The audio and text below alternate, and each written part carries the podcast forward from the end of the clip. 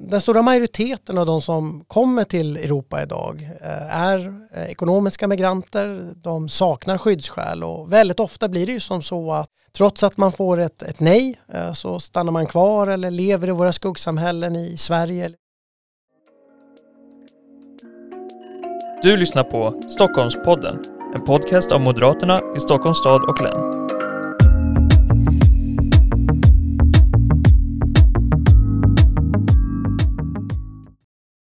Ja, hej och välkomna till den här veckans avsnitt av Stockholmpodden, Stockholms Moderaternas podd. Och idag har vi med oss en jättespeciell gäst, Thomas Tobé. Thomas är ju en av våra representanter i Europaparlamentsvalet och i år är det valår. Välkommen Thomas. Tack så mycket. Kan vi få hisspitchen om Thomas? Ja, det var en svår fråga, men eh, lång bakgrund eh, i Moderaterna, satt eh, 13 år i riksdagen, jag har varit eh, partisekreterare men framför allt så har jag eh, världens roligaste uppdrag just nu, att vara Europaparlamentariker, representera Moderaterna och Sverige. Härligt och eh, som sagt det är valår i år. Det är val till Europaparlamentet den 9 juni. Det är ju egentligen många valdagar för det är ju även en eh, förvalsperiod Mm, man kan förtidsrösta. Men eh, det är valdag den 9 juni och då ska vi eh, gå till val med dig som första namn en gång till. Och våra väljare, de gillar ju leveranser och handlingskraft och det har ju du verkligen bidragit med under den här mandatperioden. Kan du säga någonting om den här migrationspakten som du precis har varit med och bidragit till att ro hem i eh, parlamentet?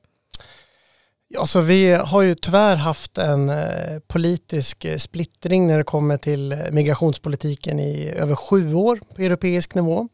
Och jag tror att det är rätt många väljare som har svårt att förstå varför kan inte politiker på EU-nivå hitta ett mer rimligt sätt att hantera migrationen. Det är ju en genuint gränsöverskridande fråga. Vi har en gemensam yttre gräns. Det vore ganska naturligt att ha lite mer av gemensam migrationspolitik. Och nu äntligen, äntligen så har vi nått en eh, politisk överenskommelse eh, och det måste jag säga, jag är fantastiskt eh, stolt över det. Jag var ju en av chefsförhandlarna i att få ihop detta. Men framför allt för vad det kommer att kunna betyda för Sverige och Europa. Vad kommer det betyda? Ja, framförallt så innebär det att vi kommer att få mer kontroll på den yttre gränsen. Vi kommer få en större skillnad på personer som har rätt eh, att få skydd i Europa. Eh, det ska vi fortfarande kunna erbjuda. Men den stora majoriteten av de som kommer till Europa idag eh, är ekonomiska migranter. De saknar skyddsskäl och väldigt ofta blir det ju som så att trots att man får ett, ett nej så stannar man kvar eller lever i våra skuggsamhällen i Sverige eller ute i Europa. Och det här är ju en i grunden ohållbar migrationspolitik och här har vi bestämt oss nu för att är det som så att du inte har rätt att vara i Europa då kommer du att få återvända direkt. Så det här kommer ju i grunden att innebära att det kommer att bli en lägre invandring till både Europa och till Sverige. Mm. Och som du sa här så har det varit en eh, svår fråga att komma överens om. Ni har jobbat väldigt många år, eh, eller Europa har jobbat väldigt många år med det, men nu rodde ni det i hamn då. Blev det många sena kvällar? Ja, herregud. Det, det, är, eh, det är det absolut värsta jag har gjort i hela mitt liv på ett mer eh, personligt plan. Eh, dels är det ju så enormt liksom, konfliktladdad fråga. Den engagerar väldigt mycket. Um, och det är så pass många som ska övertygas. Det är liksom 27 medlemsländer, det är flera politiska grupper i Europaparlamentet och alla vi ska liksom hitta någonting som gör att tillräckligt många av oss tycker att, att det blir en, en bra politik. Och det kräver enormt mycket arbete, det kräver väldigt mycket eh, liksom personliga eh, möten att försöka nå detta. Och jag minns ju särskilt de här sista dagarna och timmarna där vi då, vi satt alltså och förhandlade 40 timmar i sträck. Och att liksom, jag tror att alla förstår att det kan man göra men jag kan säga att det är väldigt speciellt att inte sova eh, på 40 timmar. Eh, det, det, är liksom en, det är en fysisk ansträngning ehm, eh, och man inser också att eh, det, är liksom, det känns som något form av liksom ett, ett, eh, något stort liksom lopp som man ska springa eller någonting. Alltså du måste verkligen förbereda dig och jag visste mentalt att det skulle kunna bli så här. Men när jag väl var mitt i det så det, det fanns ju tillfällen där jag liksom, man bara drömde om att få gå liksom lägga sig i en korridor och få sova en kvart. I en korridor? Det hade räckt. Det hade räckt. Alltså jag hade inte behövt en kudde, inget täcke, ingenting. Golvet. Eh, men Drömlivet i Europaparlamentet. Ja, jag får sova i korridoren. Det, är, det är så flashigt och härligt där, verkligen. ja, härligt. Eh, nu har ju du då eh, gjort en mandatperiod på fem år. Och eh, vad skulle du säga mer att ni har bidragit med? Vad har man fått för sin moderata röst under de här fem åren? Ja, men eh, Moderaterna har, tycker jag, eh, och det är klart att eh, det, det, kanske inte är överraskande, men, men jag tycker att vi har väldigt bra eh, Europaparlamentariker som eh, jobbar stenhårt. Och vi har åstadkommit väldigt mycket. Eh, det är, eh, vi har till exempel har vi lyckats svänga hela opinionen i Europaparlamentet när det kommer till kärnkraftsfrågan. Eh, när vi kom ner så var det ett kompakt motstånd mot att också använda kärnkraften som en del i att kunna nå våra klimatmål. Jag menar att bli överens om att vi behöver satsa mer på det förnybara är ju självklart. Det behöver vi göra. Men vi kommer också behöva kärnkraften om vi ska kunna gå bort ifrån eh, gasen och oljan. Ehm, och här har ju ett väldigt hårt arbete för Moderaterna lett till att vi har liksom lyckats vända ganska många, lyckats bygga de här majoriteterna som krävs. Och det har konkret inneburit att nu kan investeringar i kärnkraft på europeisk nivå klassas eh, som förnybara till exempel. Så man har fått eh, en migrationspakt och man har fått ett mer kärnkraftsvänligt EU bland annat? Bland annat, eh, vi har på klimatområdet sagt till att det inte bara är Sverige som ska bära det stora ansvaret för att minska utsläppen utan nu ska alla länder i Europa göra det. Eh, vi har moderniserat väldigt mycket av den digitala marknaden där Arba Kokalari har varit väldigt engagerad. Så jag tycker att eh, liksom, moderater visar ju att Eh, röstar man på oss då får man några som absolut står upp för Sveriges intressen men som också är beredda att lägga den här extra tiden som krävs för att du faktiskt ska kunna nå ett resultat eh, i Europaparlamentet. Underbart. Och nu är det ju så att det fortfarande är ganska lågt röstdeltagande när det gäller EU-valet. Vad tror du att vi behöver göra för att öka det? Vad kan vi göra för att öka valdeltagandet? Jag tror att det viktigaste är att visa hur mycket eh, Europasamarbetet kan bidra till att eh, göra det bättre, inte bara i Europa utan också i Sverige. Eh, vad betyder det till exempel i alla fall vi blir bättre på att stoppa till exempel stöldligor på europeisk nivå? Ja, det kan innebära att det blir färre inbrott i Sverige. Eh, I alla fall vi kan eh, hantera en del farliga individer på ett bättre sätt på europeisk nivå, ja men då kanske det är färre som kommer att drabbas av brott i Sverige. Eh, jag tror att och jag tror att väldigt mycket av de här frågorna som jag upplever att människor tycker är viktiga som migrationsfrågan, kriminaliteten, klimatet eller det kan också handla om liksom ekonomi och företagande. De allra flesta inser att vi kommer att behöva samarbeta med andra och Europa är ju det absolut bästa vi har att hålla i handen i en i övrigt ganska mörk och komplex värld. Ja, och för fem år sedan så var det ju faktiskt ett helt annat läge. Det var väldigt mycket inbrott, Sverige var präglat av det var mycket båtstölder, båtmotorstölder och allt sånt här. Den organiserade brottsligheten var en viktig del av valrörelsen. Skulle du säga att eh, eh vårt arbete där har, har bidragit till att det nu ser lite bättre ut på, på den fronten? Det har blivit bättre. Eh, vi har fått till eh, förstärkningar av det som kallas för Europol, det som EUs eh, polismyndighet. Men det är ingen tvekan om att här finns det mycket mer att göra. Alltså det, det är utmärkt nu att vi har fått en ny moderatledd regering som gör väldigt mycket för att eh, komma åt till exempel eh, gängkriminaliteten. Men vi måste göra mer på europeisk nivå. Så det är eh, 70% av de kriminella nätverken är aktiva i mer än tre medlemsländer samtidigt. De kriminella bryr sig inte om eh, liksom, eh, landsgränser. Eh, de agerar utifrån att de vill tjäna så mycket pengar som möjligt på sin verksamhet och är rätt skrupellösa. Och här tror jag ju att vi behöver liksom biffa upp mycket mer det europeiska svaret kring hur vi ska hantera de kriminella. Och det innebär tror jag både mer av samarbete men det kanske också innebär att vi också måste börja diskutera hur vi får en mer operativ polis på europeisk nivå. Mm finns det också en del som är lite skeptiska till eh, att vi är en del av EU, den här överstatligheten som det kan innebära och så.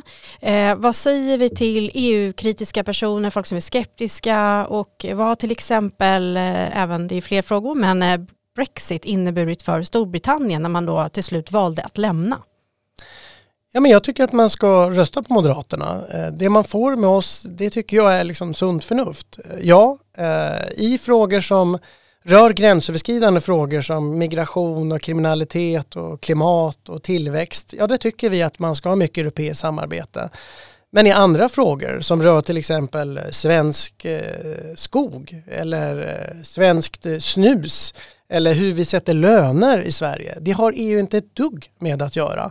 Och där säger vi moderater blankt nej. Så att med Moderaterna tycker jag man, man får en rätt eh, tydlig röst som i grunden är för europeiskt samarbete.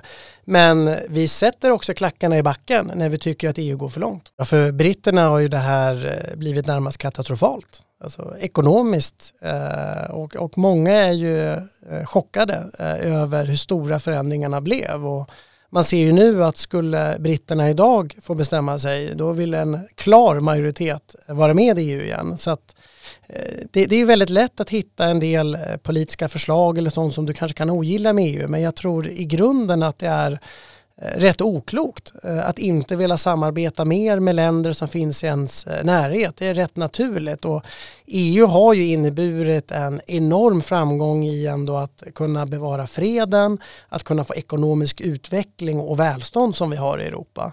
Ehm, och jag blir rätt bekymrad över att Sverigedemokraterna fortsätter att liksom hela tiden glänta på den här dörren med en, en svexit. Eh, jag tror att det vore farligt för Sverige. Eh, det vore dåligt ekonomiskt men jag menar i den tid vi lever i nu med krig på vår kontinent, eh, en stor osäkerhet kring vad som kommer hända i USA, kommer Trump komma tillbaka, vi ser ett mer aggressivt Kina. Ehm, I det läget, att inte hålla fast vid det europeiska samarbetet, jag tycker att det är en farlig politik. Mm. Och eh, nu har du ju då kommit rakt ifrån den här uh, migrationspakts eh, samarbete eller överenskommelsen och så ska du snart in i en valrörelse. Hur förbereder du dig? Just nu så äh, lägger vi rätt mycket tid på att äh, fundera på vilken politik är det som vi ska erbjuda till väljarna, det vill säga vad får du när du röstar på Moderaterna? Så att vi tittar mycket nu på vad är det för politiska förslag som vi ska arbeta fram.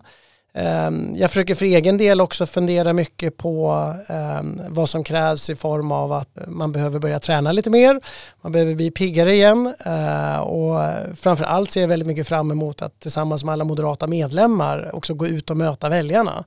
Eh, vi har ju ett helt nytt läge nu, alltså vi har en moderatledd eh, regering, ehm, vi gjorde ett framgångsval i förra EU-valet vi är ännu bättre förberedda den här gången. Så jag ser väldigt mycket fram emot det här och jag tror att eh, det finns rätt många väljare som kanske känner sig lite osäkra inför EU-valet. Men jag tror att vi moderater har en, en väldigt god möjlighet. Eh, det vill säga liksom, röstar du på, på Moderaterna då maximerar du Sveriges inflytande och jag tror att det är rätt många väljare som är intresserade av det. Ja, och du kanske också ska passa på att sova i en säng och inte i, i en korridor nu innan det är dags. För sen vet man inte i valrörelsen vad det blir. Nej, man får vara beredd att, hitta eh, tillfällen att sova även i en valrörelse ska jag säga. Ja, så är det. Eh, du blev ju den mest kryssade kandidaten i eh, hela Sverige förra gången. Kommer du toppa det i år? Det var ju fantastiskt eh, med det stödet som jag fick i, i förra eh, valet får man väl lite oblygt eh, säga.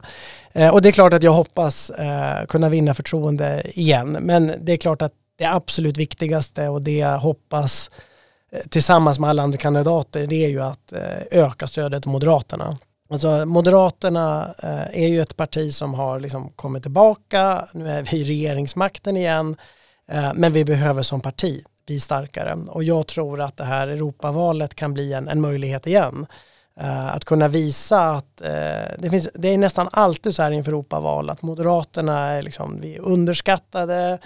Eh, det finns inga där ute som tror det kommer gå bra för Moderaterna och bara det gör ju att man blir liksom lite taggad på att visa att de kommer att ha fel. Jag kan också passa på att ge cred till alla som lyssnar här som var en aktiv del i den förra valrörelsen för det var just i Stockholmsområdet som vi gick väldigt bra eh, i förra valet. Det var vi som, vi målade Stockholm blått med eh, e EU-röster på Moderaterna.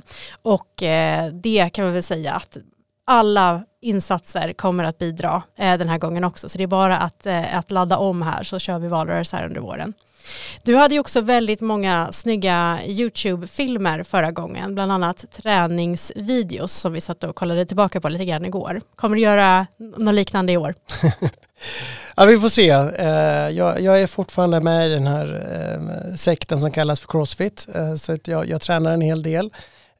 Men, ehm, och vi får väl se. Det, det där var ju liksom ett sätt att kanske inte bara spela in de här tråkiga politiska filmerna utan försöka göra någonting annorlunda. Eh, och eh, det, det, blev väl eh, det var rätt många som tyckte det var kul. Eh, en del av de där filmerna kanske jag, jag skäms lite för dem.